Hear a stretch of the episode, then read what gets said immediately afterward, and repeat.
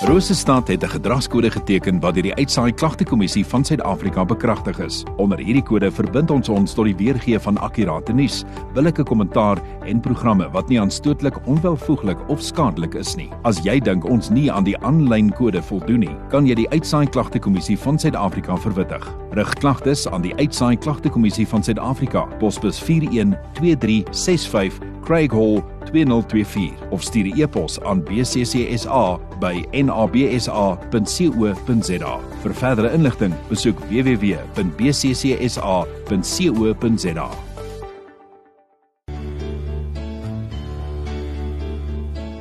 Tyd vir oggendgodsdiens op 100.6 FM. Hier is my baie lekker om aan jou bekend te stel ook as jy nou nie gister geluister het nie hierdie hele week uh, gaan by ons kuier in die ateljee as jy ook wil kyk sommer kan jy loer daar op rosestad.co.za. Uh, Pastoor Jan de Bruin van die AGS Siloam gemeente en uh, welkom weer terug so op hierdie Dinsdag. Baie dankie Cyril.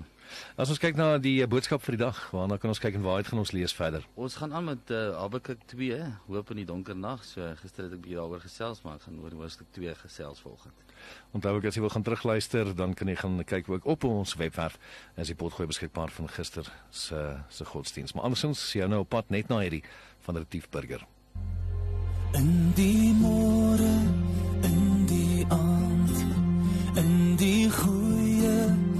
of die kwaad, in die somer, in die see, in die son of storm weer, sal ek U loof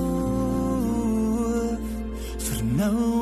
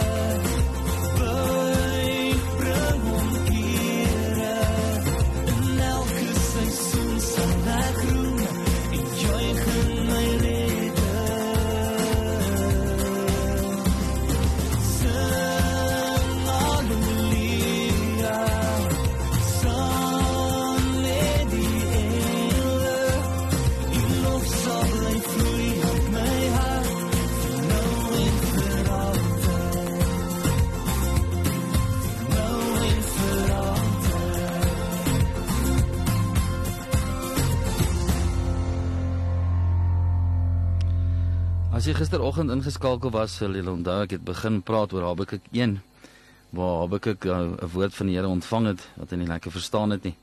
En wat Habakuk nou anders gemaak het is al die ander profete is hy het besluit om namens die mens met die Here te praat waar dit eintlik moes wees dat hy namens God met die mens praat.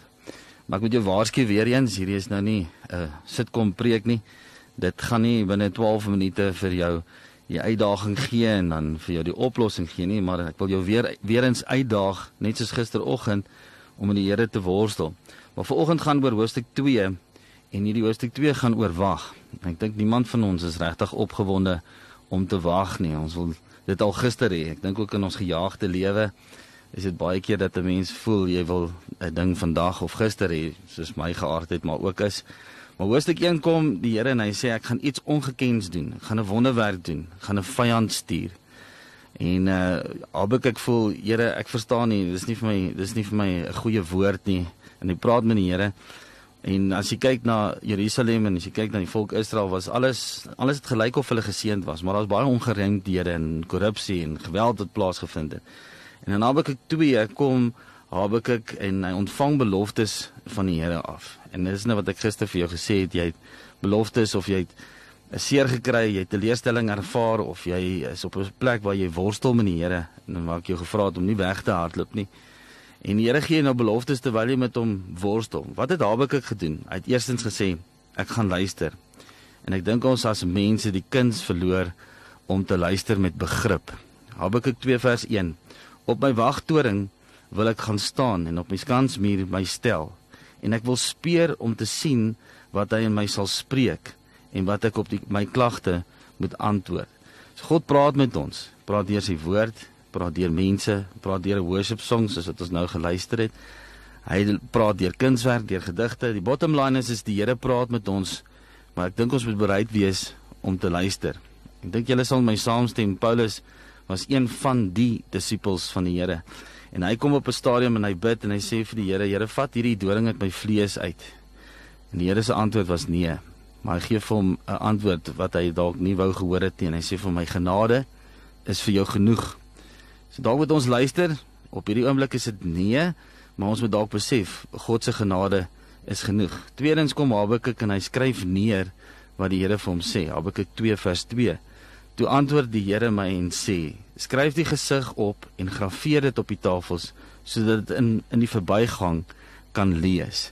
Ek dink dit is nogals belangrik om vir jouself 'n lewensmissie neer te skryf. Ek dink Radio Rosestad for that matter het ook 'n vision vision statement as ek dit so in die Engels kan sê, maar hulle het ook 'n visie waartoe hulle opleef en ek dink ons moet ook 'n lewensmissie en ons het baie keer beloftes wat ons van die Here ontvang, maar ons vergeet dit. Ek dink ons moet dit neerskryf want die vyand is listig. Hy wil kom steel, slag en verwoes. So hy wil dit steel wat die Here vir jou gee. Die Here se woord is ook vol beloftes. En uh, ek en jy moet dit gaan neerskryf en dit vir ons daagliks daaraan herinner. En dan laastens dan moet jy wag sê hoofstuk 2. En uh, nou as jy my goed ken, soos ek nou vroeër gesê het, ek is 'n persoon of my geaardheid wil ek graag hê gister moes dinge al gebeur het. So die grap is die Here het my al beloftes gegee wat al vir 20 jaar kom wat nog nie tot vervulling gekom het nie. Maar ek bly bid en ek bly wag daarop en ek wil jou ook challenge om te bly bid en te wag. Jy sê miskien vanoggend, Here, ek bid al so lank vir uitkoms. Bid al so lank vir genesing, vir deurbraak. Hoe lank nog? Ek sluit af met Habakuk 2 vers 3, maar ek wil dit vir jou in die Engels lees in die Amplified en dan in die New Living Translation. For the vision is yet for an, an appointed time and it hastens to the end. It will not deceive or disappoint. Though it tarry, wait for it, because it will surely come. It will not be behindhand on its appointed day. Onthou daai appointed day. This vision for the future time is describes the end and it will be fulfilled.